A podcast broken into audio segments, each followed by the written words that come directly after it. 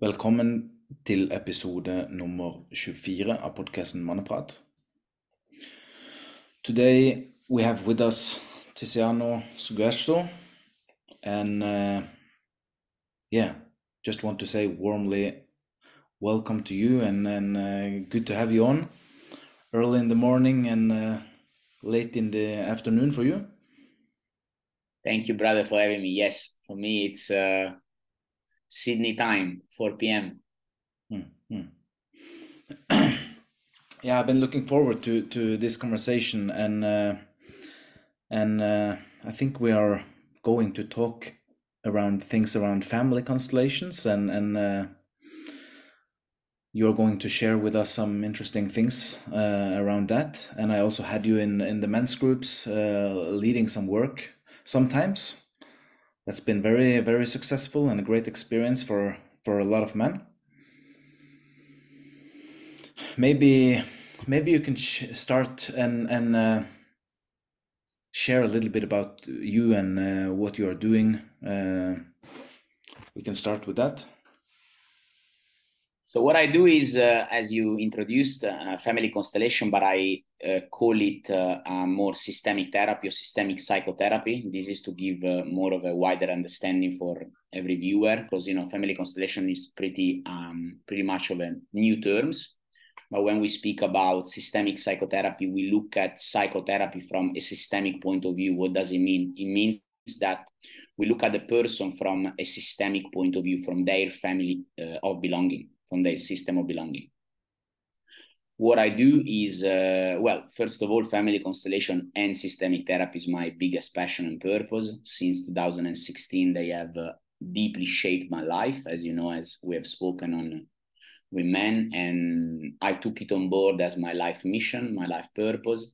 I know I'm here to make a worldwide impact with that, and that's what I'm living and breathing every day, and I'm deeply passionate about it particularly when I have the opportunity to work with men, as uh, over the last uh, six uh, slash seven years uh, that I'm in the business, I would say that seventy percent of uh, my clients and attendees to my event, uh, whatever is in person or worldwide, they are female. Probably because, as you know, it is an extremely impactful experience. So you gotta be you got to open up yourself and even if you don't open up the the dynamic open ups itself for you.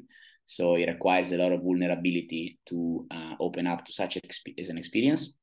But the differentiation between uh, systemic therapy and any other psychological approach is that you don't require a lot of session in that. So once we make the movement what we call the movement of the soul then we let it unfold and we see our life experience shifting and when we say shifting, what we say is uh, they this sort of dynamic, this sort of psychotherapy is part of what we call phenomenological. So the work of the phenomena. We see the life experiencing shifting from an energetic point of view and then taking form, obviously, from uh, a physical point of view. Interesting.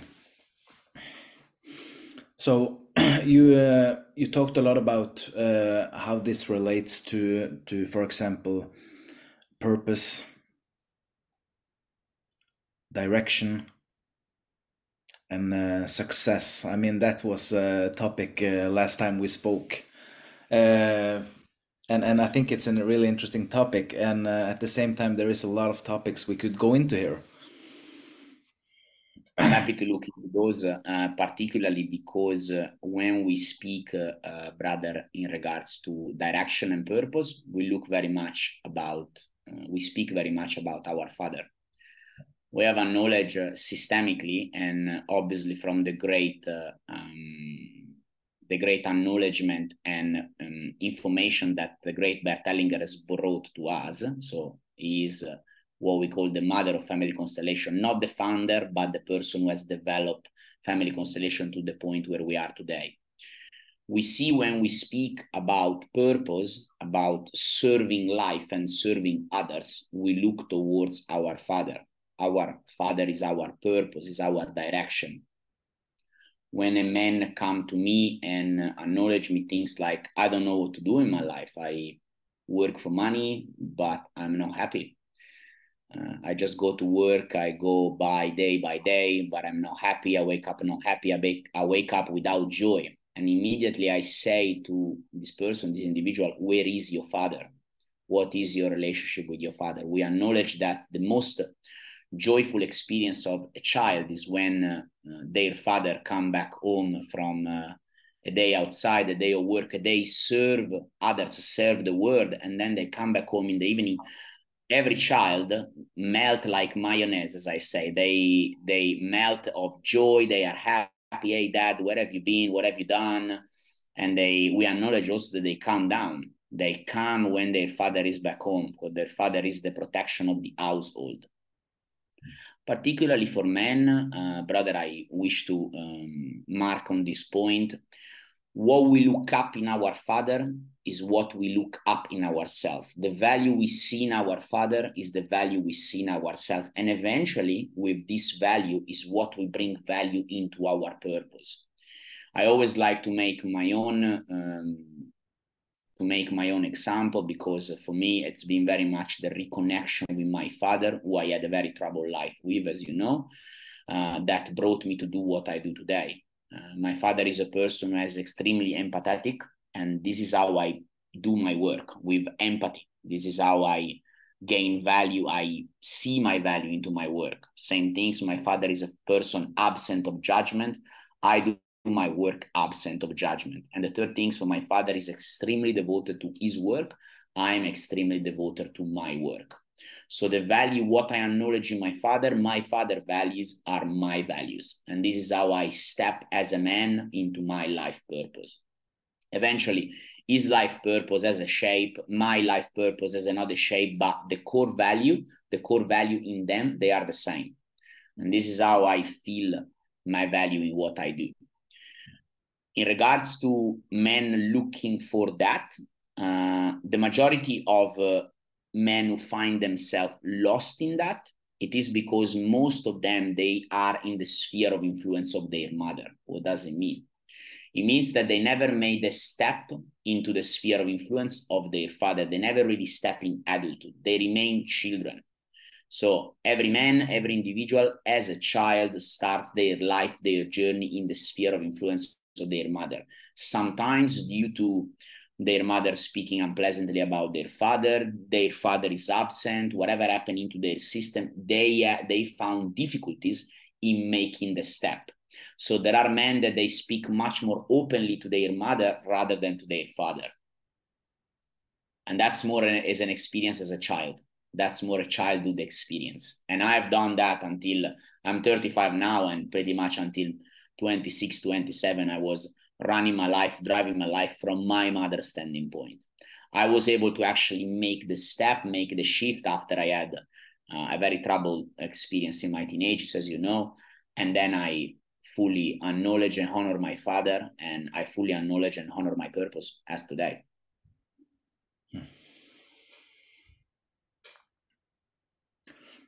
so what's what's one thing uh, men uh, can do to to start to what can I say integrate uh, this a little bit more? You you mentioned a little bit about the different qualities uh, from your father, for example.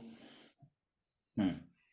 So the first things that I always give to men, the first step is acknowledging three things that you like about your father. What do you honor about him? What do you respect in him? People have uh, if I speak too much, tell me because I kind of, you know me, I speak a lot. So if you have, uh, if I have to slow down a bit, you tell me. Uh, the word respect, many people know the word, they use it, but they don't really know what that means. I respect you is an higher form of love. I respect you is I see myself in you. That is not a word that you would say to children. To children you say i love you regardless. Even if they are children whatever you know they obviously little you don't see yourself in them because you are older you are bigger you are uh, you are perhaps their parent or whatever or whoever you are in, in correspondence to them. But when i say i respect you i see myself in you so i honor that in you. That's an important word that i use when we when we work with men. What do you respect about your father? What do you see great in him? Because what you see great in him is what do you see in you. Because you are half of your mother and half of your father. So when people start to acknowledge their father for their value, they start to honor themselves, they start to grow adult, particularly for men. We can speak also about women. What's the differentiation? But to stay in men, they honor themselves as adult. One of the um, one of the dynamic, brother, that often we find um, in in acknowledging their father is their mother in between. Why is that? It is our mother who give us permission to a soul level to step into our father. So if our mother doesn't give up permission because perhaps our father has been violent in their relationship, our mothers speak unpleasantly about him, such as your father is nothing good. So when your mother does that, there is a little bit of resistance into stepping into your father, and that's when the majority of addiction step into the uh, into the picture. Addiction are the cord that connects you to who is missing your father. Smoking, alcohol, drinking, drug. Uh, drug uh, drug is a little bit more of a resistance. I, I, should explain that to give a little bit more of a, an understanding. But smoking and drinking and gambling, casual sex, those are more dynamic. That I miss my father. I miss the purpose of life. Same things when men speak about casual sex. Casual sex is a sexuality without uh, the the purpose of life. Okay, so that's a sexuality that is not found, is not rooted in our father. Is is a young sexuality, is a teenage sexuality, is a childish sexuality. What we call the project of life. Our father is the project of life.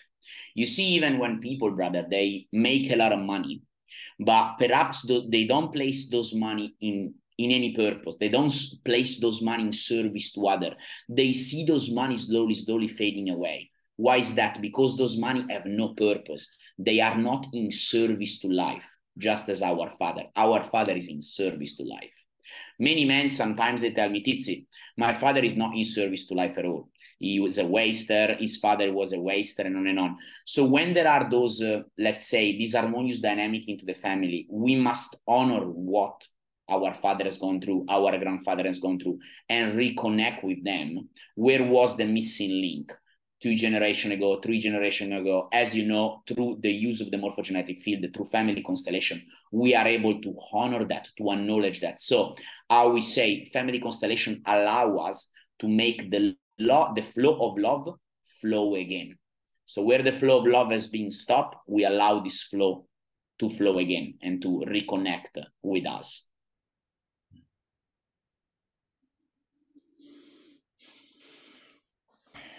Thank you for sharing. And and uh, you said uh, there's also something here uh, regards to women, and and since uh, uh, I have uh, sixty percent men listening to this, thirty percent women, let's also dive into the version for women. I, I would love to share that, and particularly important because a lot of women they acknowledge to me like, "Oh, I keep finding emotionally unavailable men," or um, I keep finding men that they jump in my life and then they disappear. So my first question to them is, what was your experience with your father? Why is that? Because uh, a woman get attracted just as a man. The man gets attracted to his mother, and a woman get attracted to her father. So the first love of a woman's life is her father. But if her father was emotionally unavailable, not present, or he never valued her, because perhaps he was absent, because perhaps he was taken by his own things. He was himself is some sort of disharmonious experience in his family as well as in the new family. So perhaps their mother, they seek, they unconsciously seek those sort of men. They found men that they ghost them, they found men that they not value them. Because for men, their father, our father, is obviously our value into the world, but it's the same for women. The women is more like how the world see me, how another man see me. So a man of purpose, a man of value, does he value me? If my father, if I never perceive value from my father, I will never find a man who value me because I miss that energetic imprinting within me. It's not enough of my mother, but I also need the part which is of my father. Many people are say, "Oh, I have an amazing experience. I have an amazing uh, relationship with my mother." Yes, that's right. But you are half of your mother and half of your father. When a child grows up harmoniously and their mother honor their father and their father honor their mother, they grow up harmoniously because within them they perceive their value. But when their mother say to them something like, your father is nothing good, what their mother is really saying to them unconsciously, half of you, the one which is your father, is nothing good. So those children consciously they think like, oh, my mother loves me and, and on and on and on. But she unconsciously say, half of me, it's not good. So, and I perceive that. And that's when uh, uh, I manifest value issues. That's why a lot of, you know, teenagers, particularly in families where there are divorce or disharmonious dynamic, they go through those uh, uh, value issues because perhaps their mother speak unpleasantly about their father or vice versa. it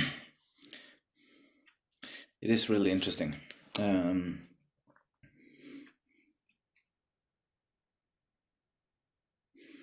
so it's a lot about uh, in a relationship, a lot about honor and respect.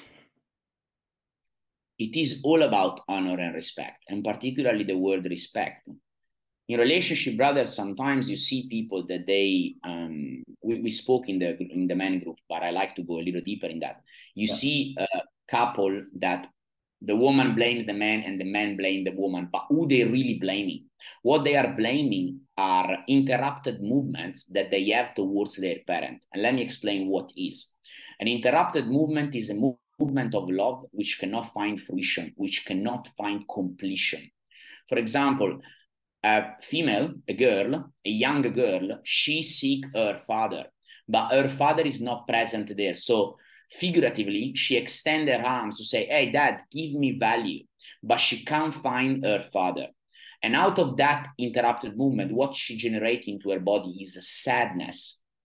To move forward through that sadness, she generates anger. Anger allow her to move forward and to do not stay stuck in that emotional pattern of sadness. Otherwise, she remains stuck there and she can't move from it.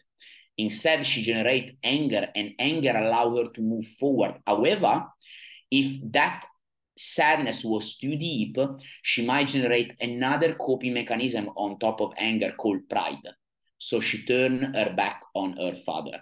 What does that mean in her upbringing? So she will find men, she will constantly find men that they will manifest that emotional availability. Why is that? Because to a soul level, she tried to recreate what she couldn't deal with, what she couldn't connect with. So harmoniously in her life, she recreates that form of love until she's able to cry out all of that sadness, perhaps through family constellation, hypnosis, whatever, Reiki, whatever uh, spiritual experience or psychological experience she's going through, she's able to cry out that sadness. So release that energetic imprinting and then she can move forward. Say something like, Father, I stop looking for you in other men.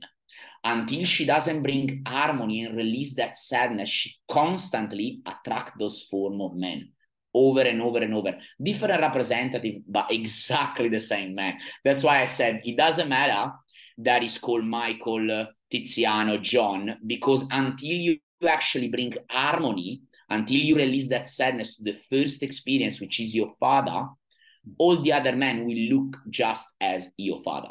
That's all. Hmm. Hmm.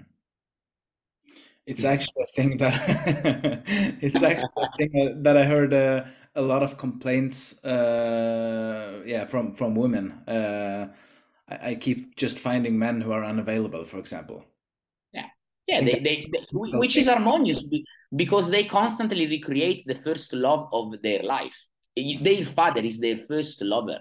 Despite they want to say my father i've i've seen him twice in my life but still half of them is of their father. So they are in love with the masculinity in their body of the the man who has created them which is their father. And the same is for us brother. We constantly recreate a representative of our mothers until we accept and acknowledge our mother in full so until we don't let go of the first lover of our life, our mother, the first experience, we accept her in full, hmm. we are unable to detach from her. it's funny because one of the main concepts that I've acknowledged and learned through systemic therapy and family constellation is the more we refuse our parents and the more we are attached to them. Hmm. It's like it works in opposition. The more we reject them and the more we are attached to them. However, the more we are able to accept them in full and the more we are able to detach from them and do something different. can you speak to uh, the thing around when I feel better than my own parents? Yep, big time. Feeling better than your own parents is called to a systemic point of view. And always I want to point out from a systemic point of view, not the insulting anybody, that's called arrogance. Arrogance is when a little one feels better than a big one. However, a little one cannot be better than a big one because a big one is the generator for a little one. What does it mean? It means that our parents come before us. So without our parents, we wouldn't be able to be here. So the behavioral traits of our parents has gener- have generated our own behavioral trait.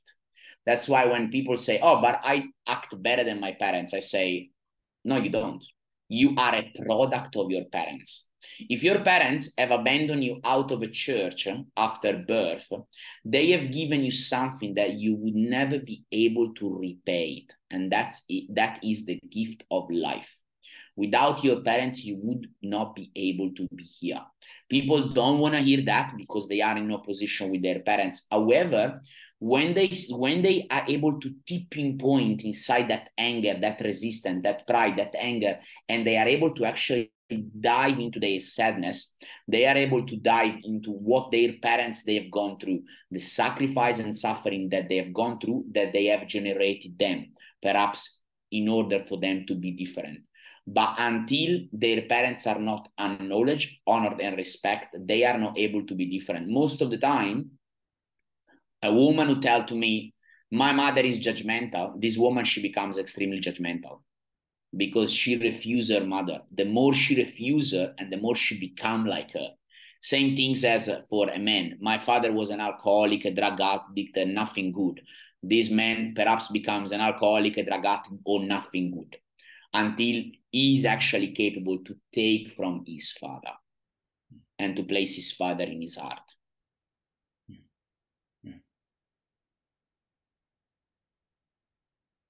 I wish to add something to it, brother, if you allow me. Sometimes men actually displease their father to a conscious level, but to their soul, in their heart, they deeply attached to him. So to a conscious level, they say, I hate my father, there's nothing good with that. But then instead, in their heart, they are deeply connected to him. And in fact, out of that connection, they are able to be different. But when they fully capable to embrace their value, it's not in opposition to their father, but it is in resonance. When we speak about family constellation, we call morphic resonance. When we enter in resonance with our father, so we honor what he has gone through, that's when we actually capable to make a big impact and to feel the value within ourselves and honoring our purpose, joy, um, project of life, and on and on. Hmm. Thank you for sharing on that. Uh, I'm just going to to mention that on uh, October 5th, we are actually doing uh, uh an online uh, training on this, a workshop again. And uh, if someone who is listening want to be a part of it, please reach out. That's it's kind of an still an backstage thing that I've haven't not spoke. Um, very openly about, but uh, there are open spots if you reach out. Um, and uh, yeah, th- thank you, Tiziano, for for diving deep into this topic. And uh, I mean, we are soon coming to an end. Uh, is it is it something more that you would like to to share uh, on this kind of topic as we are still still in the conversation? I do, I do, uh, brother. I, I, wish to share one more concept in regard to money because I know a lot of us men we are uh, uh, attached to that. First of all, I'm excited for uh, our work together on the fifth, as was the last. Those uh, workshops are deeply impactful. You can see through yourself, through your own website, but also myself on Tiziano.sguers on Instagram. I have a lot of content you can see um, a lot of my content in regard to systemic therapy. The topic of money, brother, uh, looked very much towards our mother. What does it mean? It means that uh, money are a reflection of our mother. They are a reflection of our mother because they are reflecting the nurturing experience as a human. So, who is the first uh, individual who has nurtured us? Our mother. So, when we get out of the womb, the first experience of abundance, of nurturing, reflecting our mother. So, money are very much a reflection of our mother. I always bring the concept when people come to me and say, I don't care about money, what they really telling me is, I don't care about my mother. What they tell me is if my mother is present in my life that's good. If she's not doesn't matter okay? So that's what they're really telling me. However they are also in service to life. So they have a lot to do with our father as i said. When people are placing money in service to others and in service to life money they have a soul they love to bring back remuneration if i bring a service to you as frederick as my brother you pay me for it because i serve life i serve you and other men with that and life itself when people are trying to collect their money and they use money as a matter of value that's more of a childish experience I want to be seen by my mother. Mom, see me, give me value with your eyes. That's a value as a child. So those are children that they try to seek value through their mother eyes, what psychology call narcissism. But actually, value doesn't come from money. Money are a tool that they are uh, the result of a service well provided. So I take the value from my parents, and then money are the result of it. Money come to me as a payback from life. That's a that's a concept that I always like to share because you see where you are in your life. If you seek money as a matter of value, that's a childish experience. I want my mother to look at me. If I actually seek my purpose, if I want to make an impact into the world, that's when money come to me because I serve life. Interesting. Spot on. Yeah. I like to bring uh, the last example, then I let you go because you know me, I like to talk. people, people, yeah, thank you, brother. It's an honor. Uh, people often tell me, "Oh, Tizi, someone like Conor McGregor, for example, loves money." No, I say, guys, someone like Conor McGregor served the world 20 times, 20 million times. Why is that? Because he gives hope to people. That's why money goes to him because he's someone who started from nothing and he went up to the top. So he shows to millions of people what is possible in life. Conor McGregor is a, the perfect example of someone who serves life, who serves others. And then it's more of what we call the hero journey. The problem with that is uh, when someone become a hero journey, it takes a lot of reward, but also a lot of burden. Because when you become a hero journey, something like Conor McGregor, Jesus Christ in the big, uh, you know, big picture, there's someone who sacrificed themselves for others, for the good of humanity. And generally, then they ended up what we call dead because they ended up like crushed by all of those weight. Then when they actually step out of the hero journey and become a normal person and out of uh, doing their duties for the world, they can walk freely and take off the burden of humanity. That's what we always say. A hero is someone who take on board the, takes on board the burden of humanity. That's it. Thank you for sharing that, and uh, uh, thank you for joining, taking the time to to uh, to share a conversation, share some knowledge and wisdom, and uh, yeah, good to have you on and uh, see you very soon. And and if someone uh, are interested in the workshop in October, please uh, let me know. Send me a message, connect with me on Facebook, Instagram, email, wherever you are. So I look forward to seeing you, Thank you, brother, for having me. Thank you.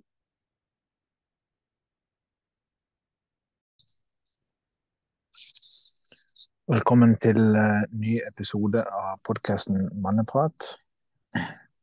And uh, today uh, I have with me Craig Filak. So uh, warmly welcome to you, Craig. Yeah. Interesting to to have you on, and uh, I think we met uh, seven or eight uh, years ago. I think it's yeah seven or eight uh, years ago uh, in, in New York actually at the retreat or training for men. That's right. Mm. Mm. So yeah, and and uh, honor to to have you on, and uh, yeah, we have had created some kind of relationship in uh, in between that time and. Remember many years ago, I started going through a program that you you had and uh, around purpose and direction. That's that's been quite an interesting ride. Um, yeah, now I'm created this podcast and you are here. So again, welcome to you. Great. It's great to Where- see the way that you you've been evolving and and growing all these years. And uh, I still reference you as um, the guy who took the longest to complete the purpose mapping journey. Sometimes guys say, "Oh man, I'm so sorry. I got to go to China on business, and then it's the holidays, and it's going to be two months before we can have our next call." And I'm like, "All good." And I got guys that are like, "Oh man, like I don't know if I'm going to be able to finish this program in time." And I'm like, "Man, this is your soul's journey. It takes as long as it takes. And then I reference you and I'm like, man, he's he had a kid, he started a business, he did all this stuff. Then he came back and he's like, Can I still finish? And I'm like, Yeah, absolutely. Let's do it. And then we did. And so, you know, it's just good to see the way that that you've grown over the years. I thank you for expressing that. And uh, yeah, it took it took a lot of time, and uh, I think I'm a slow learner. But uh, once I learn, I, I really get it. Yeah, you get it. I think I'm that type of person. Yeah, yeah, I really embody uh, what I need to know. Yeah. Hmm. So uh, maybe you can tell us a little bit about uh, something of your journey. Uh, you you've been involved in a lot of different stuff, or yeah, over the years. Uh, who are you and what do you do? Now you are. You told me you are in Seattle. Man, I mean, broad question. So, um, I mean, let's start at the beginning. I was adopted at birth, and my guiding question of my life has been who am I and why am I here? Purpose. Why do I exist? And that's looked a lot of different ways over the years. Largely, it's looked like a lot of failing forward. Never with a loss of enthusiasm, which is what's kind of interesting, is that, you know, I've tanked more little fledgling startups than most people would dream of starting in a lifetime. And some of them are still going. Some of them are, you know, I started with co founders and I'm no longer a stakeholder, but they're still running and they're doing, you know, millions of dollars a year. And I'm kind of kicking myself. But there are times in my life when I've just realized I needed a clean cut, a clean break from those relationships. And money's money, comes and goes. So, so it's been a lot of fumbling with the combination lock, trying to figure out who am I and what do I do. Um, part of that has been a striving for authenticity in the work that I do. Because, you know, I flip real estate, made $30,000, quote unquote, in a weekend. But then it was emotionally, I was just wrecked for months afterwards. I was exhausted. Uh, I felt like I was taking advantage of people because they're losing their house. And, you know, I knew as much about how to save the house as I knew about how to procure the house and flip it and make money. And there was one point where it came down to it was going to be me or him. And, you know, he said something that made me dislike him. so I took advantage. And that was the last time I did it. I mean, I only did two, but it just didn't feel like it was the greatest way I could help people. And so it's been a lot of stuff like that. Just, you know, starting something, realizing, yeah, it could work, but it doesn't work for me. And in that process, I spent well, gosh, it's 29 years this week that I was initiated in Mankind Project. So I've been doing men's work for 29 years at this point.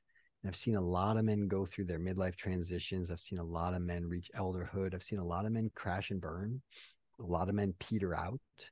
And I think in every man, there's this striving for greatness and striving to, you know, maximize our potential and, you know, leave some kind of impact, make a dent in the universe.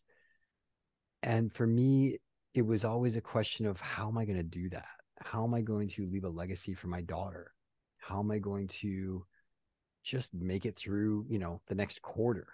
Uh, there was a lot of research into, I was a philosophy major. So a lot of research into, you know, if you have a strong enough why, you can overcome any how, that sort of thing. So lots of Tony Robbins, Stephen Covey, Michael Gerber, Robert Kiyosaki, you know, back 20, 30 years ago and then more recently it's been you know the past 10 15 years it's been a lot more neuroscience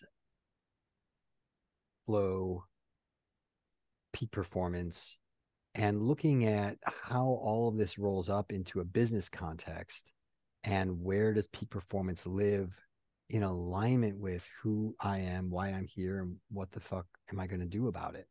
And so when I left my last business partnership, which is it'll be 10 years ago yeah in about six months that i left it i spent nine months just saying no to everything and really going into the cocoon and breaking down and just letting life carry me forward and show me what's next and i waited until i got a full body fuck yes like that's the thing i want to do and it turned out to be the summary of everything I had done to get my own life into alignment. And that became purpose mapping. And so I was using various pieces of this with business teams and with friends. And, you know, I'd done some coaching with it in, in little pieces over the years before that. I've been developing it for, you know, you could argue 20 to maybe even 30 years. The pieces of it that have been coming together. I've read over a thousand books and invested 300 350000 hours in coaching training therapy all all this shit but i boiled it all down into a simple one page framework which you've experienced and the mm. process of arriving there which i just kind of stumbled upon when we look at our life through you know a handful of personality profiles and a 360 and use this framework and all of a sudden all of a sudden it's clear right? It's like a Venn diagram, the red, yellow, and blue, and then you get the orange, green, and purple, and in the middle is the white. There's like that diamond in the middle where all of these circles overlap and they point at the same piece of clarity about who I am and why I'm here and what the fuck do I do about it now? And that's what you get in the one page plan. And so that's what I do. That's who I am and why I'm here is to help other people figure that out and I've done it with my daughter who's 22 now and she's fully self-possessed. You know, I raised her. We were talking the other day and she's like, "Yeah, you know, I'm I'm going to do this and that." I mean, she her thing has always been horses and working with animals and she thought she wanted to be a vet and she realized she doesn't actually love that. Put herself through some classes and and she's uh now she wants to do horse hoof trimming because that is a way to get into relationship with the horse's sense of balance and stability in the world and their sense of well-being pulling horseshoes off of horses and trimming their hooves because you know a couple millimeters is like you know if you imagine if you had one foot that you know one leg longer than the other and you're kind of walking crooked like that's not fun. You need a mm. shoe to balance that out and so she trims their hooves and she wants to get into craniosacral and, and things like that with horses. So so this is a good path for her. At 22 she's found a ticket that she can you know it'll take her through her whole life if she wants to but she can build on top of it. And she said to me the other day, she said, you know, I think it's pretty much been expected from your, you know, her mom and I that she just grow up to do whatever the fuck she wants to do. And this is the only thing she wants to do. So we never said, you got to be a lawyer. You got to be a, you know, it was always just, what do you want to be? And how do we support you to be it? And she's figuring it out. And it's really gratifying. So I do that pretty much across the board. And that's who I am and why I'm here, man. Does that answer your question? Thank you for a great answer. Yeah. And cool to hear with your daughter. Uh, I remember you told me about, uh, yeah, her before. So really cool to hear. Yeah. What do you think it's regards to purpose? Uh, what is the thing with men uh, regards to purpose uh, that you can speak about? Why is it so important to to feel a sense of purpose? Or I guess the answer uh, it could also be obvious, but uh, I'm really interesting to interested to hear your take on that. Yeah. Sure. There's a lot of different perspectives that we could look at with this. One is that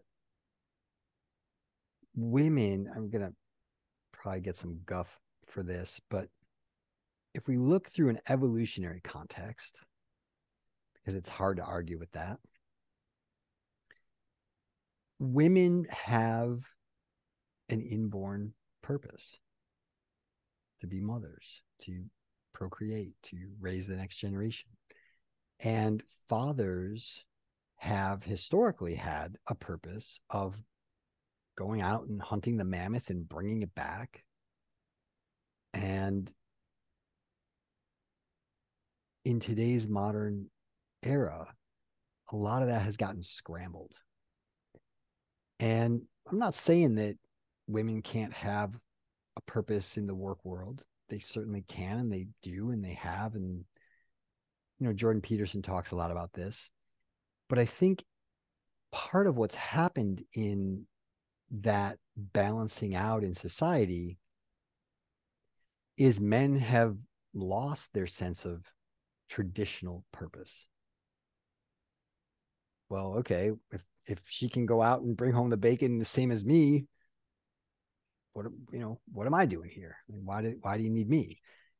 And one thing that we're finding through you know sociological research is how vital fathers are in families. That children raised by single mothers and children raised by single fathers fare very differently in the world. And so having a father involved is vital. And I think just as a single father myself, it it gave me a sense of meaning and fulfillment. But I don't know that that was the full reason I exist. So, what's my deeper purpose? And I think I fulfilled my purpose through raising my daughter. But if my purpose was only raising my daughter, I'd be done. And I went through a midlife transition and I kind of traveled around the western part of the United States for three and a half years during COVID and all sorts of things. And and just really, you know, that whole empty nesting feeling that never really gets talked about. It's a massive life transition. And now it was another thing of just saying no to everything for years and just saying, I'm not going to, you know, I'm, I'm just going to let my identity of the first half of my life go down to dust and I'm going to see what emerges. And what has emerged is working with men who have reached the top of Success Mountain and are looking around saying, okay, now what? They're going through their midlife transition and they're wondering, okay, who am I now? Like, now, how do I make a contribution? And so that sense of purpose after we've raised kids, after we've succeeded in whatever we're doing, and realizing more money is not the goal there's got to be something more. There's got to be something deeper. That sense of purpose is in our DNA. It's the reason we exist. And I often like to use the analogy of a dog breed. You don't take a chihuahua hunting. That's not its purpose. That's not why it exists. It's not what it was bred for right and every man has in its dna there's some there you're you're you're the right dog for some certain purpose some game some field or arena and figuring out what that is is the key to satisfaction in life otherwise you end up spinning your wheels on the golden hamster wheel well i'm making good money. I don't know what else to do so i'll just keep doing this. Or you end up golfing your way to the grave or surfing your way to the grave or getting your pilot's license. And you know like there's a there's a certain sense of satisfaction and dopamine you get from those things but there's no deeper meaning or contribution in that.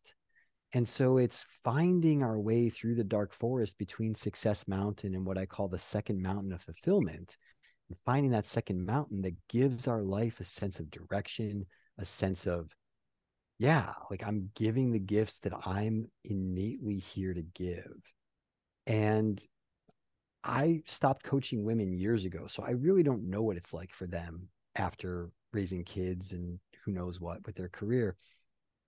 But I do know for men that it's very important to leave a legacy.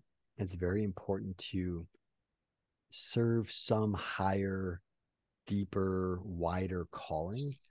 And that gives us our sense of you know being a gift just by existing it makes our lives complete in a way that when we don't have it it gets messy gets ugly sad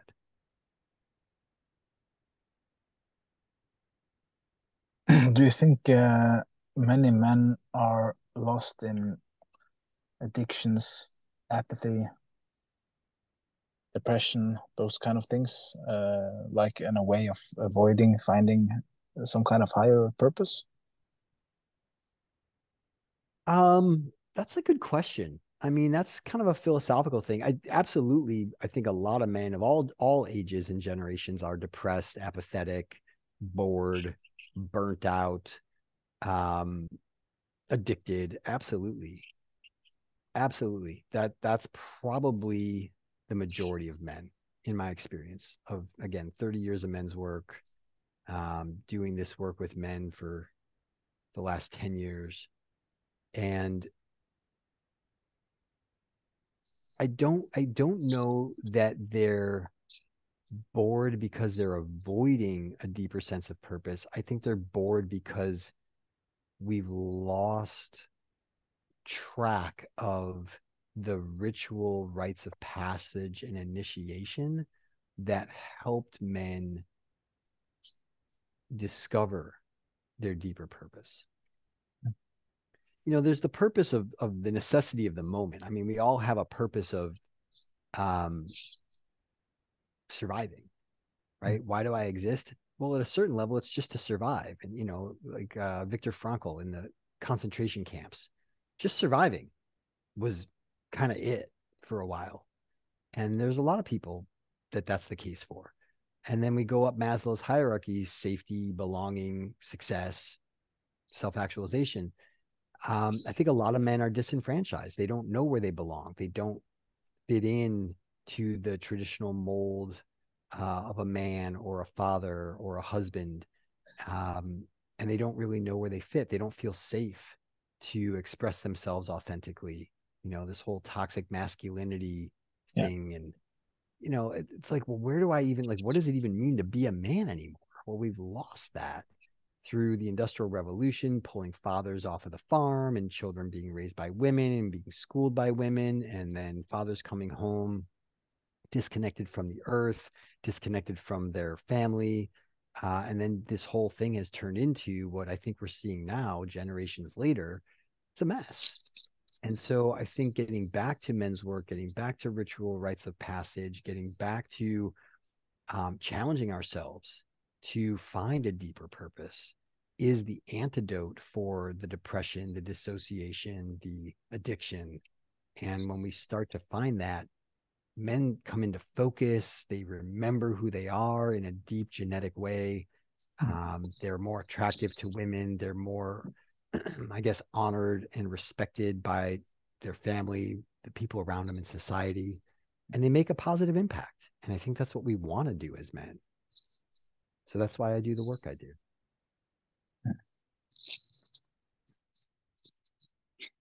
Interesting. Uh, yeah, uh, I hear that you talk about uh, challenge, many challenge, and and uh, yeah it's interesting because uh, it, was through you that I, I got connected through uh, Alison. Uh, what is her name again? Alison.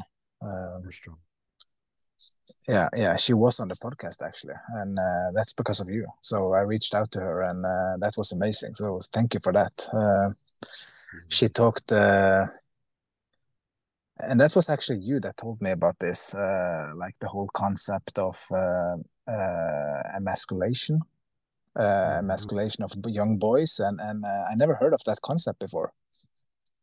Uh, so, but I mean, she said actually just exactly the same stuff that you said to me, but it was interesting to also hear her uh, talk about it. That it's also a lot of it, it's happening in subconscious ways and and uh, of course also conscious ways and maybe both ways from men and women and women to men but uh, she said that uh, with her trainings uh, with men and women, uh, she sometimes asked the men to take your own hand, one hand over another hand, and, and just push as hard as you can. Mm-hmm. And uh, after that, she asked the women to take her hand around the man's hand and just push. Mm-hmm. And like, then you have the answer. Mm-hmm. Like, yeah, regards to strength and power and and uh, a lot of men are uh, have lost uh, contact with their own power uh, like you need that power to push through into fear into challenge into adventure. Uh, yeah so that was just huh, really really interesting way to explain it. Yeah. Like there are big differences like on a physical level and and a lot of other stuff and yeah well, it's interesting to, I'm getting chills, man. Yeah, we need that strength. And women need that strength. They need us to be strong. When hmm. the whole Me Too movement happened, one of the perspectives on it is that there are a lot of men who are you know, were raised by women in such a way, like Harvey Weinstein, right? Something must have happened for him in childhood around women that caused him to treat women the way he did. Something must have happened. And something must have happened to all the men around him who were seeing what he was doing and didn't just put their foot down and say, that's not okay. I'm not cool with that and I'm not going to do business with you. I don't want to see evidence of that behavior. If I hear about that, you're going to hear from me. So that's that's the other side of this wound. And so it plays out in these two ways. And then we hear the word toxic masculinity, but none of that is masculinity. That's just toxicity. Yeah. Healthy masculine protects the feminine both in our own hearts, in our own bodies, and in our families, and in our workplace, and in our communities, and in our society, and in our world. So, whether that's protecting the feminine of nature and not letting oil companies just plow into Ecuador and start drilling and, and destroying ancient rainforest, a healthy masculine would do what it can to protect that. And so we need that strength. And when it gets emasculated or shut down or shamed or called toxic, everybody loses.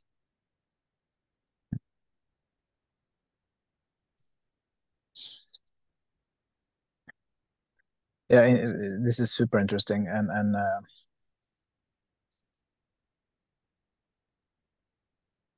it's like uh, how can I uh, explain this? Uh, for example, uh, my own life experiences, uh, certain experiences that I have, uh, some kind of traumatic events that uh, I mean, I lost a lot of my own power in those events. Mm.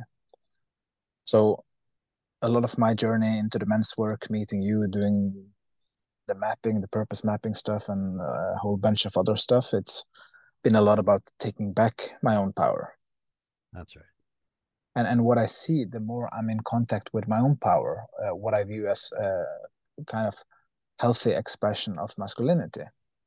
It's like I'm also getting more in balance. Mm-hmm. Yeah, it feels that I'm more in balance, but also expressing my power more. How how do you mean more in balance? If you're expressing your power more, what is the hmm. balance of that? I think the balance is that, uh, for example, uh, I've had some experience uh, where I acted out uh, or had a lot of patterns around being a nice guy in relationships. I didn't know uh, what boundaries was. I didn't know what leadership was. And I mean, I didn't know how to lead myself. So how could I then lead uh, other people? And and and uh, because I couldn't lead myself where I wanted to go and uh, towards my direction and purpose, and and uh, many years uh, before that, I was out in a lot of addiction, addictions. Mm -hmm. So I mean, that was my way of numbing and coping uh, with my own stuff and and uh, at the same time i suppressed uh, a lot of uh, my own what can i say uh, yeah capacity uh, uh, and, and and power um, i was just lost in in the world of addictions for example mm -hmm. yeah so that's been a pretty long, uh, let's say, healing healing journey. And and um, these days I'm more able to. I mean, I do what I want to do, and uh, I follow my. I'm more in contact with my own gut and where I want to go and where I don't want to go. Uh, what's my vision for the future, and I'm able to like go through that fear. So that's. Uh, hope I'm able to explain it in. Uh, in an okay way. Uh, well, what made the biggest difference for you? Like there was probably a couple of points where you got your power back, you were able to say no to your addiction habits, mm. and you were able to do something else that led you down a path to feeling more power and more self-esteem and more authenticity and more clarity inside yourself. What were some of those highlights for you? Turning points or Mm-hmm.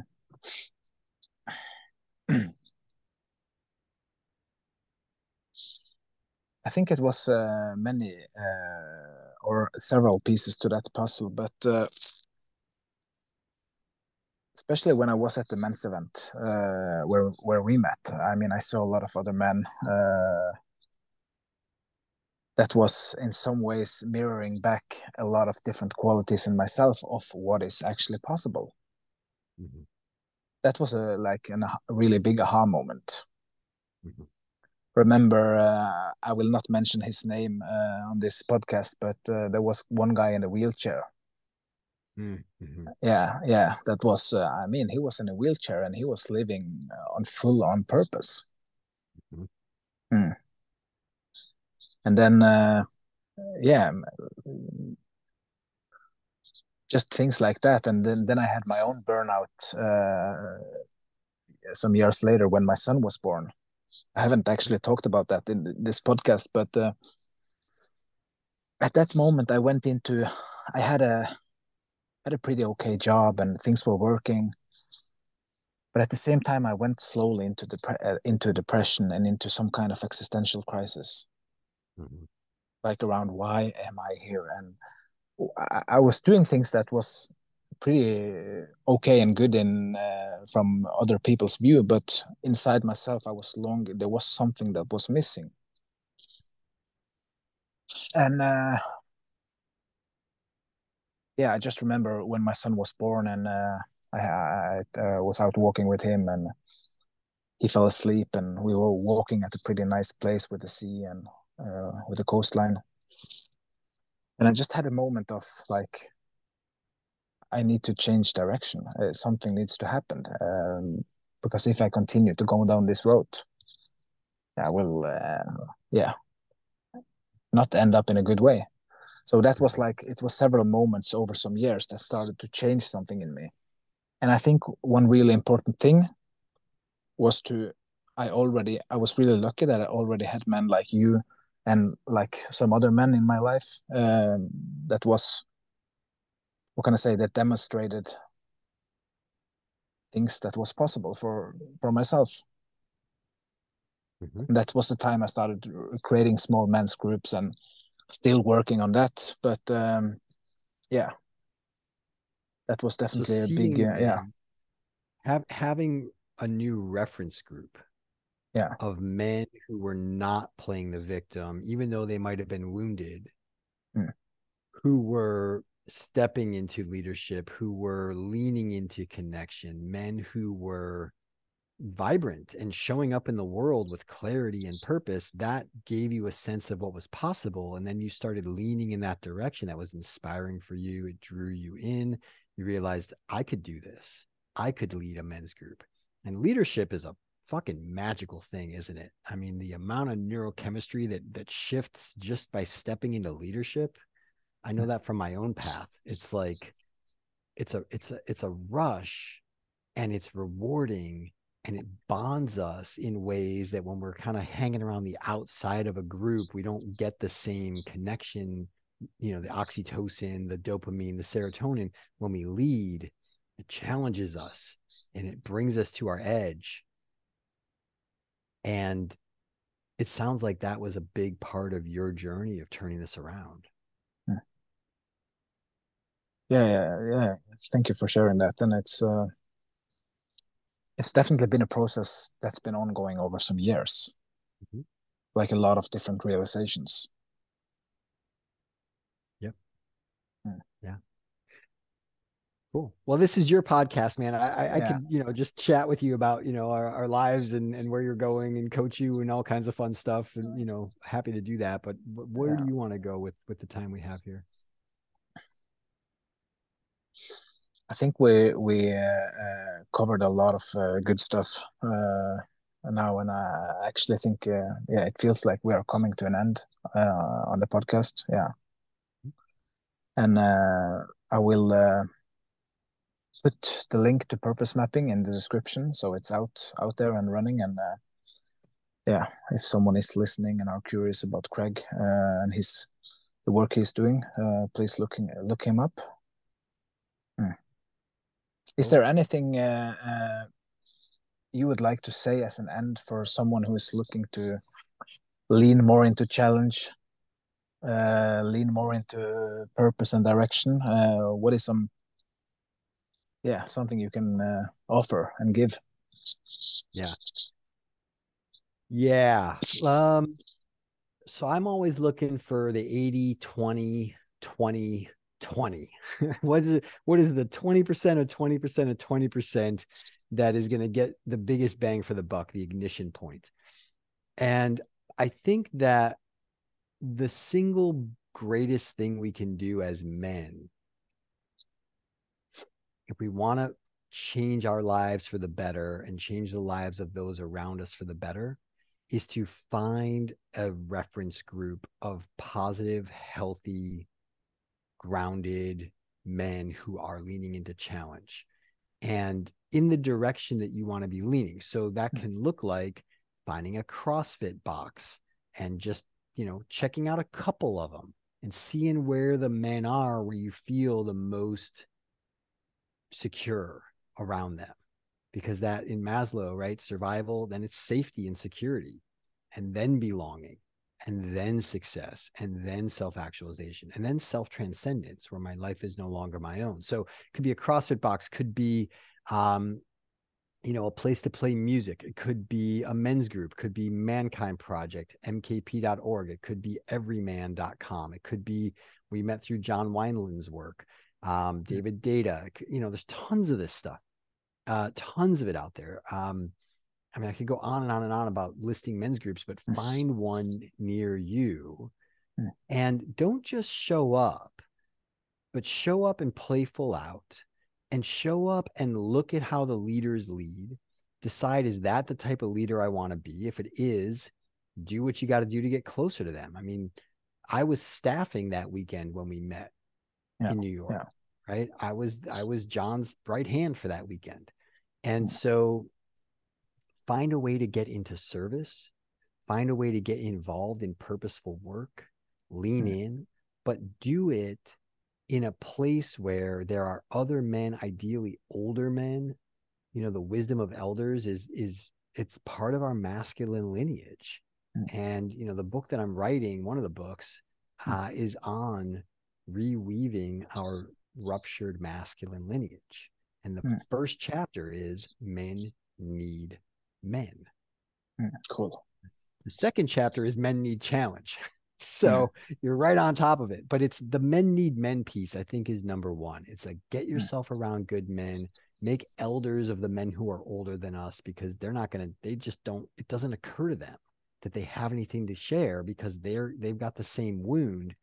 But if you're listening to this, you're out there looking, just go befriend some older men and just show them how much you appreciate learning from them and just being by their side doing doing stuff together, working on a car, you know, do mowing the lawn, I don't know, anything, doing accounting work together, whatever you can do, support the men around you and see Mm. how that changes your life. Yeah, and learn from elders. That's right. Yeah, it's actually yeah. Uh, with the groups that I've created in in Norway, uh, actually I have a an elder, a real elder coming and teaching. Good. Brilliant. Yeah, so that's been really, uh, yeah, people love it. Yeah. So yeah, yeah, we're- uh, we're, we're yeah. hardwired for it's in our DNA. It's weird that we don't have it. It's just, I mean, it's just so nourishing, Yes. Yeah. It is. And uh, it's been nourishing to have you on the podcast too, Craig. And uh, yeah, really glad you took the time to to join. I know you you're not so available for interviews these days, but really appreciate it. Yeah. Yeah, it's great to reconnect with you and you're doing great work. You know, you're you're really on track and I see it. And as a father, that's what matters. Your kids got to see their father on track. They got to see and feel the neurochemistry that your brain generates when you're on your path, when you're living your purpose, when you're leaning into your edge of challenge. And sometimes you win, sometimes you learn, but you keep getting back up. That's what they need more than anything. Is hmm. to just see resilience and strength because their mother can't show them the way that you can show them. She can show them her own version, but to see healthy masculine strength in the world, that's what we need to bring back more of. That's what, in my opinion, is missing when I look out. And the only way to do that is as individual men to find our edge and lean into it and get up and do it again tomorrow and get up and do it again tomorrow and find other men that are doing it because there are days when we're not going to want to get up and do it. But if other men around us are doing it, we're more likely to do it and we'll have support and we have men to support us when we fall and also to celebrate us when we win. It's vital. Perfect uh, as an ending. Thank you for coming, Craig. Right on, man. Good to see you. Bye.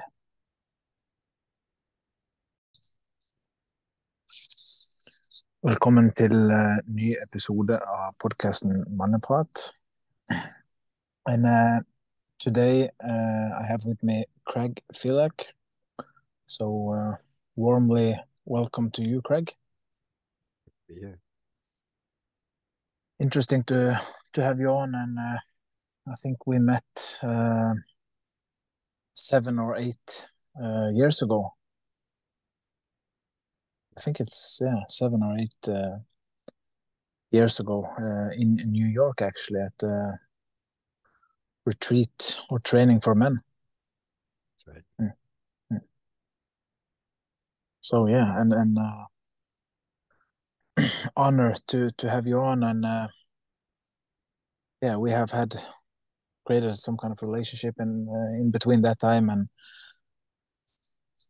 Remember many years ago I started going through a program that you you had and uh, around purpose and direction. That's that's been quite an interesting ride. Um, yeah, now I'm created this podcast and you are here. So again, welcome to you. Great. It's great to Where- see the way that you you've been evolving and, and growing all these years. And uh, I still reference you as um, the guy who took the longest to complete the purpose mapping journey. Sometimes guys say, "Oh man, I'm so sorry. I got to go to China on business, and then it's the holidays, and it's going to be two months before we can have our next call." And I'm like, "All good." And I got guys that are like, "Oh man, like I don't know if I'm going to be able to finish this program in time." And I'm like, "Man, this is your soul's journey. It takes as long as it takes. And then I reference you and I'm like, man, he's he had a kid, he started a business, he did all this stuff. Then he came back and he's like, Can I still finish? And I'm like, Yeah, absolutely. Let's do it. And then we did. And so, you know, it's just good to see the way that that you've grown over the years.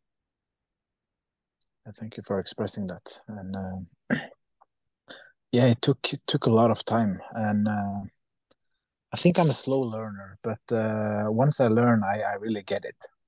Yeah, you get it. I think I'm that type of person. Yeah, yeah, I really embody uh, what I need to know. Yeah. Hmm.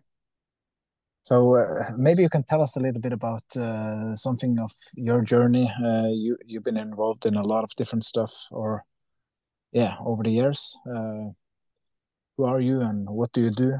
Now you are you are in Seattle. Man, I mean, broad question. So, um, I mean, let's start at the beginning. I was adopted at birth, and my guiding question of my life has been who am I and why am I here? Purpose. Why do I exist? And that's looked a lot of different ways over the years. Largely, it's looked like a lot of failing forward. Never with a loss of enthusiasm, which is what's kind of interesting, is that, you know, I've tanked more little fledgling startups than most people would dream of starting in a lifetime. And some of them are still going. Some of them are, you know, I started with co founders and I'm no longer a stakeholder, but they're still running and they're doing, you know, millions of dollars a year. And I'm kind of kicking myself. But there are times in my life when I've just realized I needed a clean cut, a clean break from those relationships. And money's money, comes and goes. So, so it's been a lot of fumbling with the combination lock, trying to figure out who am I and what do I do. Um, part of that has been a striving for authenticity in the work that I do. Because, you know, I flipped real estate, made $30,000, quote unquote, in a weekend. But then it was emotionally, I was just wrecked for months afterwards. I was exhausted. Uh, I felt like I was taking advantage of people because they're losing their house. And, you know, I knew as much about how to save the house as I knew about how to procure the house and flip it and make money. And there was one point where it came down to it was going to be me or him. And, you know, he said something that made me dislike him. so I took advantage. And that was the last time I did it. I mean, I only did two, but it just didn't feel like it was the greatest way I could help people. And so it's been a lot of stuff like that. Just, you know, starting something, realizing, yeah, it could work, but it doesn't work for me. And in that process, I spent, oh gosh, it's 29 years this week that I was initiated in Mankind Project. So I've been doing men's work for 29 years at this point. And I've seen a lot of men go through their midlife transitions. I've seen a lot of men reach elderhood. I've seen a lot of men crash and burn a lot of men peter out. And I think in every man, there's this striving for greatness and striving to, you know, maximize our potential and, you know, leave some kind of impact, make a dent in the universe. And for me, it was always a question of how am I going to do that? How am I going to leave a legacy for my daughter? How am I going to just make it through, you know, the next quarter? Uh, there was a lot of research into i was a philosophy major so a lot of research into you know if you have a strong enough why you can overcome any how that sort of thing so lots of tony robbins stephen covey Michael Gerber, Robert Kiyosaki, you know, back 20, 30 years ago. And then more recently, it's been, you know, the past 10, 15 years, it's been a lot more neuroscience, flow, peak performance, and looking at how all of this rolls up into a business context and where does peak performance live in alignment with who I am, why I'm here, and what the fuck am I going to do about it. And so when I left my last business partnership, which is it'll be 10 years ago, yeah, in about six months that I left it, I spent nine months just saying no to everything and really going into the cocoon and breaking down and just letting life carry me forward and show me what's next. And I waited until I got a full body fuck yes. Like that's the thing I want to do. And it turned out to be the summary of everything I had done to get my own life into alignment. And that became purpose mapping. And so I was using various pieces of this with business teams and with friends. And, you know, I'd done some coaching with it in, in little pieces over the years before that. I've been developing it for, you know, you could argue 20 to maybe even 30 years. The pieces of it that have been coming together. I've read over a thousand books and invested 300, 350,000 hours in coaching, training, therapy, all, all this shit. But I boiled it all down into a simple one page framework, which you've experienced, and the mm-hmm. process of arriving there, which I just kind of stumbled upon when we look at our life through you know a handful of personality profiles and a 360 and use this framework and all of a sudden all of a sudden it's clear right? It's like a venn diagram the red yellow and blue and then you get the orange green and purple and in the middle is the white. There's like that diamond in the middle where all of these circles overlap and they point at the same piece of clarity about who i am and why i'm here and what the fuck do i do about it now?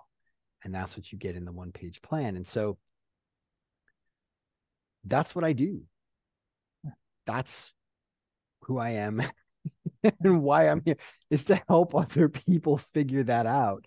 And I've done it with my daughter who's 22 now and she's fully self-possessed. You know, I raised her. We were talking the other day and she's like, "Yeah, you know, I'm I'm going to do this and that." I mean, she her thing has always been horses and working with animals and she thought she wanted to be a vet and she realized she doesn't actually love that. Put herself through some classes and and she's uh, now she wants to do horse hoof trimming because that is a way to get into relationship with the horse's sense of balance and stability in the world and their sense of well-being pulling horseshoes off of horses and trimming their hooves because you know a couple millimeters is like you know if you imagine if you had one foot that you know one leg longer than the other and you're kind of walking crooked like that's not fun you need a shoe to balance that out and so she trims their hooves and she wants to get into craniosacral and, and things like that with horses. So so this is a good path for her. At 22, she's found a ticket that she can, you know, it'll take her through her whole life if she wants to, but she can build on top of it.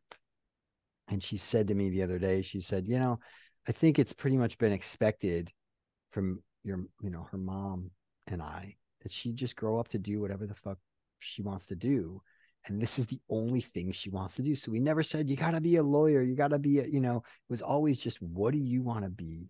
And how do we support you to be it? And she's figuring it out and it's really gratifying. So i do that pretty much across the board and that's who i am and why i'm here man. Does that answer your question thank you for a great answer yeah. and cool to hear with your daughter uh, i remember you told me about uh, yeah her before, so really cool to hear. Yeah.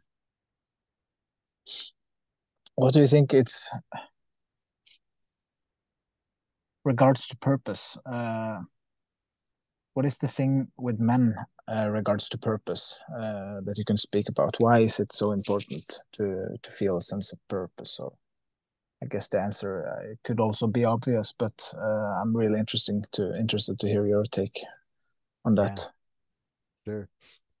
There's a lot of different perspectives that we could look at with this. One is that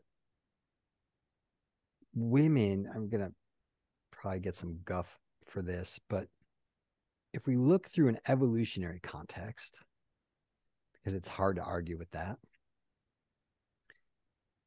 Women have an inborn purpose to be mothers, to procreate, to raise the next generation. And fathers have historically had a purpose of going out and hunting the mammoth and bringing it back. And in today's modern era, a lot of that has gotten scrambled. And I'm not saying that women can't have a purpose in the work world. They certainly can, and they do, and they have. And, you know, Jordan Peterson talks a lot about this. But I think part of what's happened in that balancing out in society is men have lost their sense of traditional purpose. Well, okay, if if she can go out and bring home the bacon the same as me, what you know, what am I doing here? I mean, why do why do you need me? And one thing that we're finding through you know sociological research is how vital fathers are in families that children raised by single mothers and children raised by single fathers fare very differently in the world. And so having a father involved is vital.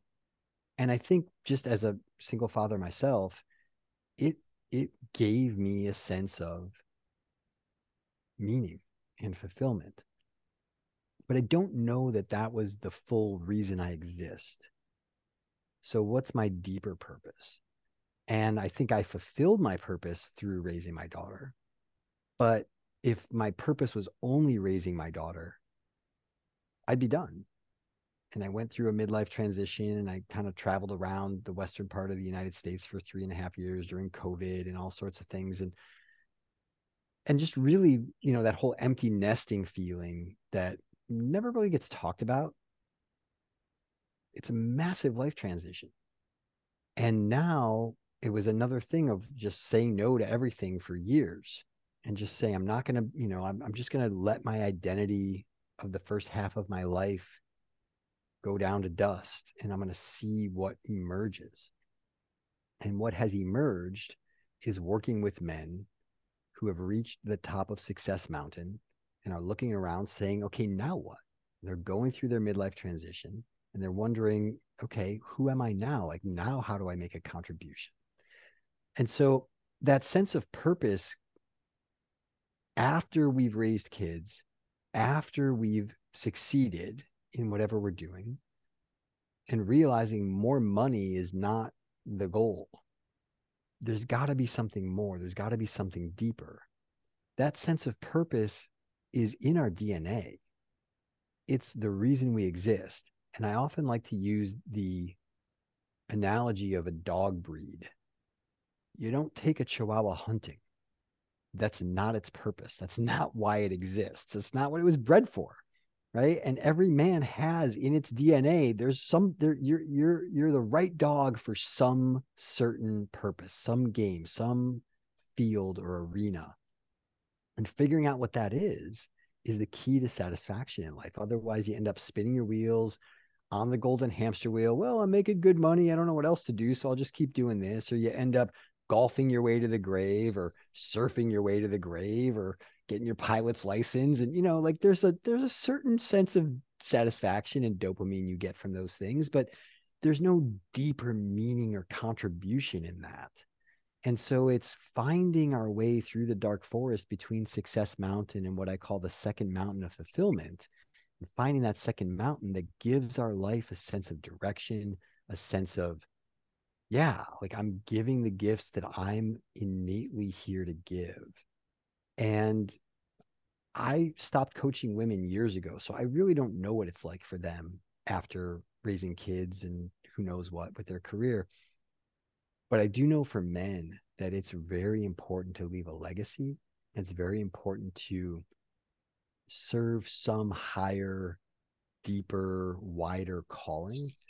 and that gives us our sense of you know being a gift just by existing it makes our lives complete in a way that when we don't have it it gets messy gets ugly sad.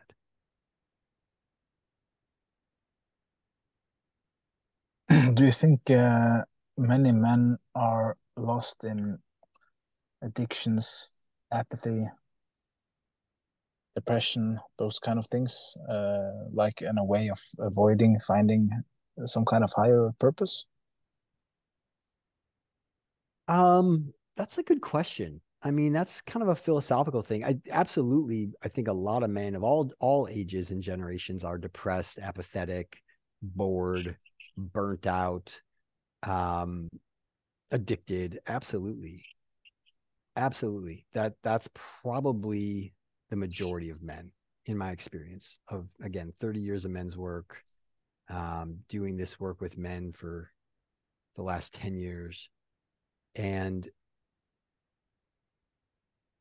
i don't i don't know that they're bored because they're avoiding a deeper sense of purpose. I think they're bored because we've lost track of the ritual rites of passage and initiation that helped men discover their deeper purpose.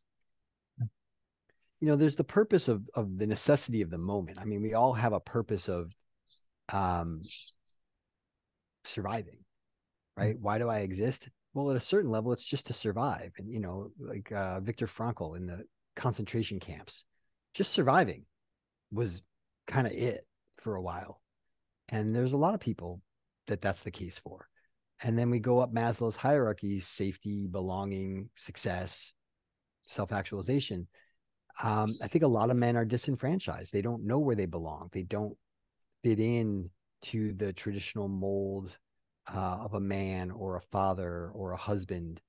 Um, and they don't really know where they fit. They don't feel safe to express themselves authentically you know this whole toxic masculinity thing yeah. and you know it, it's like well where do i even like what does it even mean to be a man anymore well we've lost that through the industrial revolution pulling fathers off of the farm and children being raised by women and being schooled by women and then fathers coming home disconnected from the earth disconnected from their family uh, and then this whole thing has turned into what i think we're seeing now generations later it's a mess and so I think getting back to men's work, getting back to ritual rites of passage, getting back to um, challenging ourselves to find a deeper purpose is the antidote for the depression, the dissociation, the addiction.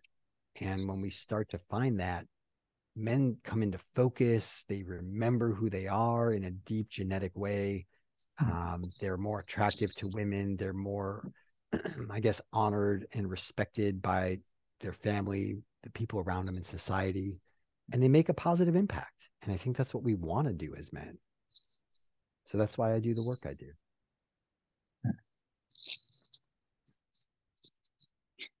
Interesting. Uh, yeah, I hear that you talk about uh, challenge, need challenge, and and uh, yeah, it's interesting because uh, it, was through you that I, I got connected through uh, Allison. Uh, what is her name again? Allison. Um, yeah, yeah, she was on the podcast actually, and uh, that's because of you. So I reached out to her, and uh, that was amazing. So thank you for that. Uh, she talked and that was actually you that told me about this uh, like the whole concept of uh, uh, emasculation uh, mm-hmm. emasculation of young boys and and uh, i never heard of that concept before uh, so but i mean she said actually just exactly the same stuff that you said to me but it was interesting to also hear her uh, talk about it that it's also a lot of it, it's happening in subconscious ways and and uh, of course also conscious ways and maybe both ways from men and women and women to men but uh, she said that uh, with her trainings uh, with men and women, uh, she sometimes asked the men to take your own hand, one hand over another hand, and, and just push as hard as you can. Mm-hmm. And uh, after that, she asked the women to take her hand uh, around the man's hand and just push. Mm-hmm. And like, then you have the answer. Mm-hmm. Like, yeah, uh, regards to strength and power and and uh, a lot of men are uh, have lost uh, contact with their own power uh, like you need that power to push through into fear into challenge into adventure uh, yeah so that was just huh really really interesting way to explain it yeah like there are big differences like uh, on a physical level and and uh, a lot of other stuff and uh, yeah well, it's interesting to I'm getting chills, man. Yeah, we need that strength. And women need that strength. They need us to be strong. When the whole Me Too movement happened,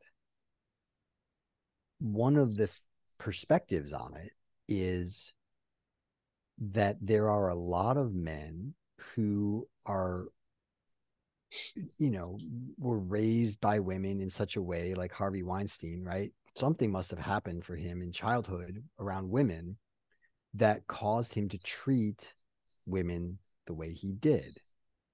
Something must have happened. And something must have happened to all the men around him who were seeing what he was doing and didn't just put their foot down and say, that's not okay. I'm hmm. not cool with that. And I'm not going to do business with you. I don't want to see evidence of that behavior. If I hear about that, you're going to hear from me. So that's that's the other side of this wound. And so it plays out in these two ways. And then we hear the word toxic masculinity, but none of that is masculinity. That's just toxicity. Yeah. Healthy masculine protects the feminine, both in our own hearts, in our own bodies, and in our families, and in our workplace, and in our communities, and in our society, and in our world. So, whether that's protecting the feminine of nature and not letting oil companies just plow into Ecuador and start drilling and, and destroying ancient rainforests, a healthy masculine would do what it can to protect that. And so we need that strength. And when it gets emasculated or shut down or shamed or called toxic, everybody loses.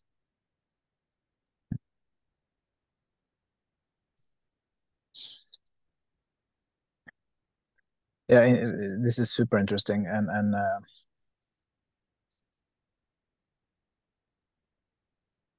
it's like uh, how can I uh, explain this? Uh, for example, uh, my own life experiences, uh, certain experiences that I have, uh, some kind of traumatic events that I mean, I lost a lot of my own power in those events. Mm. So, a lot of my journey into the men's work, meeting you, doing the mapping, the purpose mapping stuff, and a whole bunch of other stuff. It's been a lot about taking back my own power. That's right. And and what I see, the more I'm in contact with my own power, uh, what I view as a kind of healthy expression of masculinity, it's like I'm also getting more in balance. Mm-hmm. Yeah, it feels that I'm more in balance, but also expressing my power more. How how do you mean more in balance? If you're expressing your power more, what is the hmm. balance of that? I think the balance is that, uh, for example, uh, I've had some experience uh, where I acted out uh, or had a lot of patterns around being a nice guy in relationships. I didn't know uh, what boundaries was. I didn't know what leadership was. And I mean, I didn't know how to lead myself. So how could I then lead uh, other people? And and and uh, because I couldn't lead myself, where I wanted to go and uh, towards my direction and purpose. And and uh, many years uh, before that, I was out in a lot of addiction, addictions. Mm -hmm. So I mean, that was my way of numbing and coping uh, with my own stuff. And and uh, at the same time, I suppressed uh, a lot of uh, my own. What can I say? Uh, yeah, capacity and and and power. Um, I was just lost in in uh, the world of addictions, for example. Mm-hmm. Yeah, so that's been a pretty long, uh, let's say, healing healing journey, and and um, these days I'm more able to. I mean, I do what I want to do, and uh, I follow my. I'm more in contact with my own gut and where I want to go and where I don't want to go uh, what's my vision for the future and i'm able to like go through that fear. So that's uh hope i'm able to explain it in a in an okay way. Uh well what made the but, biggest difference for you? Like there was probably a couple of points where you got your power back you were able to say no to your addiction habits mm. and you were able to do something else that led you down a path to feeling more power and more self-esteem and more authenticity and more clarity inside yourself what were some of those highlights for you turning points or mm-hmm. hmm.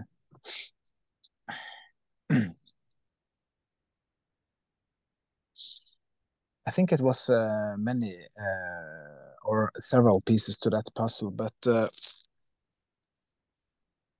especially when I was at the men's event uh, where where we met. I mean, I saw a lot of other men uh, that was in some ways mirroring back a lot of different qualities in myself of what is actually possible. Mm-hmm.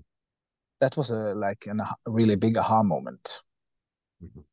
Remember, uh, I will not mention his name uh, on this podcast, but uh, there was one guy in a wheelchair Mm-hmm. Yeah, yeah, that was. Uh, I mean, he was in a wheelchair and he was living uh, on full on purpose.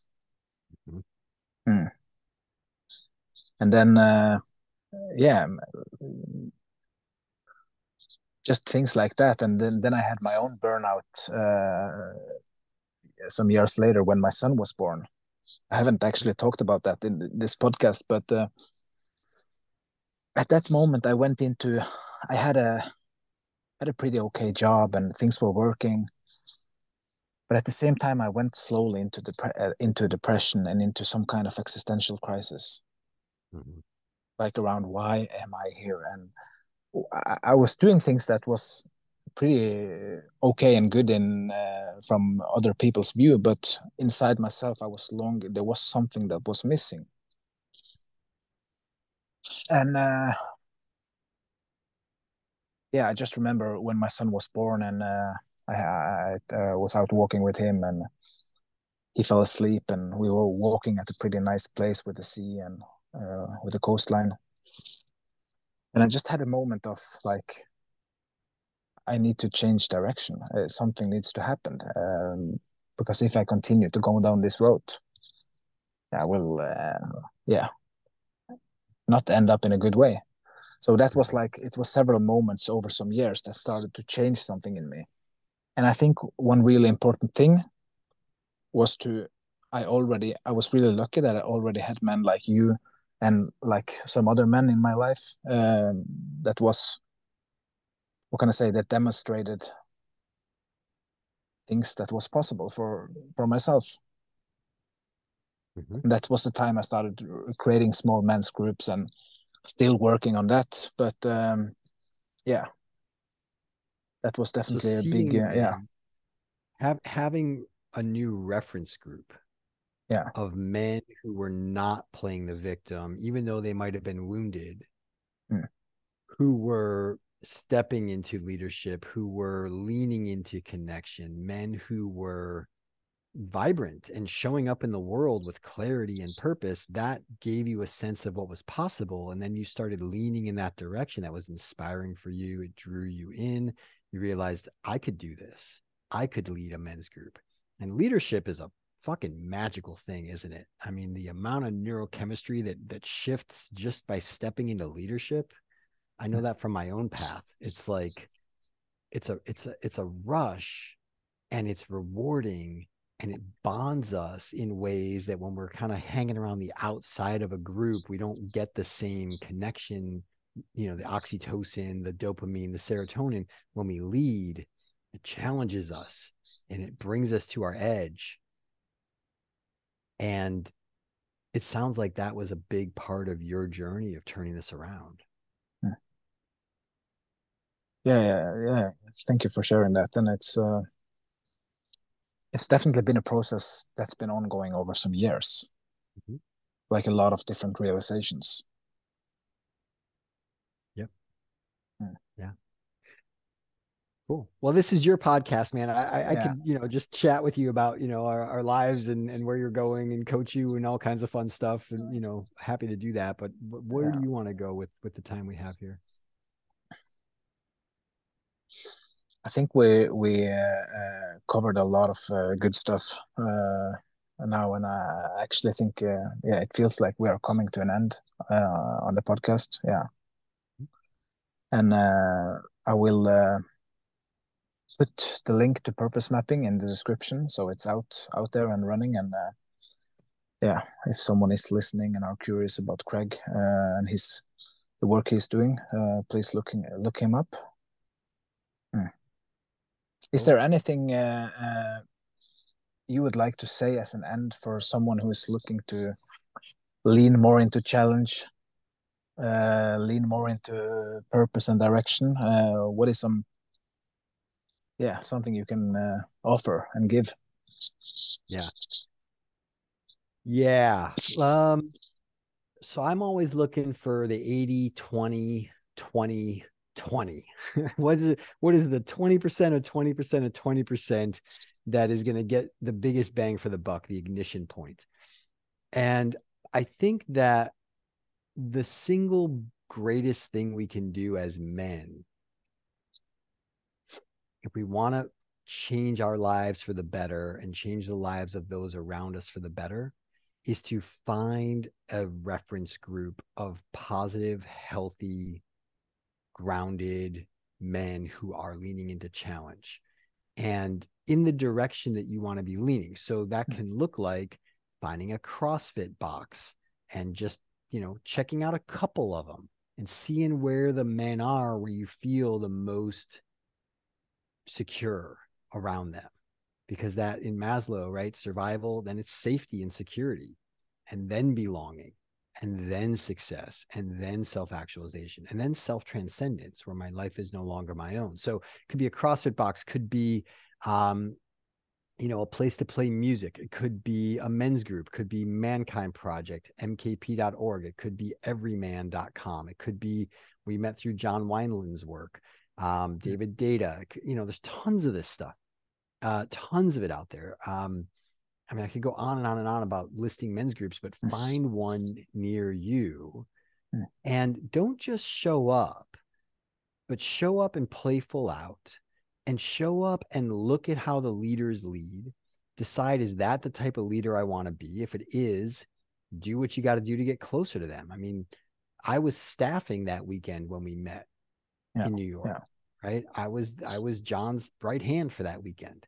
And so find a way to get into service, find a way to get involved in purposeful work, lean mm. in, but do it in a place where there are other men, ideally older men. You know, the wisdom of elders is is it's part of our masculine lineage. Mm. And you know, the book that I'm writing, one of the books, mm. uh, is on reweaving our ruptured masculine lineage. And the mm. first chapter is men need men. Mm, cool. The second chapter is men need challenge. So yeah. you're right on top of it. But it's the men need men piece, I think, is number one. It's like get yourself around good men, make elders of the men who are older than us because they're not going to they just don't it doesn't occur to them that they have anything to share because they're they've got the same wound but if you're listening to this you're out there looking just go befriend some older men and just show them how much you appreciate learning from them and just being by their side mm. doing doing stuff together working on a car do, you know do mowing the lawn i don't know anything doing accounting work together whatever you can do support the men around you and see mm. how that changes your life. Yeah, and learn from elders. That's right. Yeah it's actually yeah with the groups that i've created in, in norway. Uh, actually i have a an elder a real elder coming and teaching. Good. Brilliant. Yeah so that's been really yeah. People love it. Yeah. Yeah. So, yeah yeah we're, uh, we're yeah. hardwired for it's in our dna it's weird that we don't have it. It's just i mean it's just so nourishing. Yes. Yeah. It is and uh, it's been nourishing to have you on the podcast too craig and uh, yeah really glad you took the time to to join. I know you you're not so available for interviews these days but really appreciate it. Yeah, yeah it's great to reconnect with you and you're doing great work. You know you're, Mm. you're really on track and i see it. And as a father that's what matters. Your kids got to see their father on track Mm. they got to see and feel the neurochemistry that your brain generates when you're on your path when you're living your purpose when you're leaning into your edge of challenge. And sometimes you win sometimes you learn but you keep getting back up. That's what they need more than anything is to just see resilience and strength because their mother can't show them the way that you can show them she can show them her own version but to see healthy masculine strength in the world that's what we need to bring back more of. That's what in my opinion is missing when i look out. And the only way to do that is as individual men to find our edge and lean into it and get up and do it again tomorrow and get up and do it again tomorrow and find other men that are doing it because there are days when we're not going to want to get up and do it. But if other men around us are doing it we're more likely to do it and we'll have support and we have men to support us when we fall and also to celebrate us when we win. It's vital. Perfect uh, as an ending. Thank you for coming craig. Right on man. Good to see you. Bye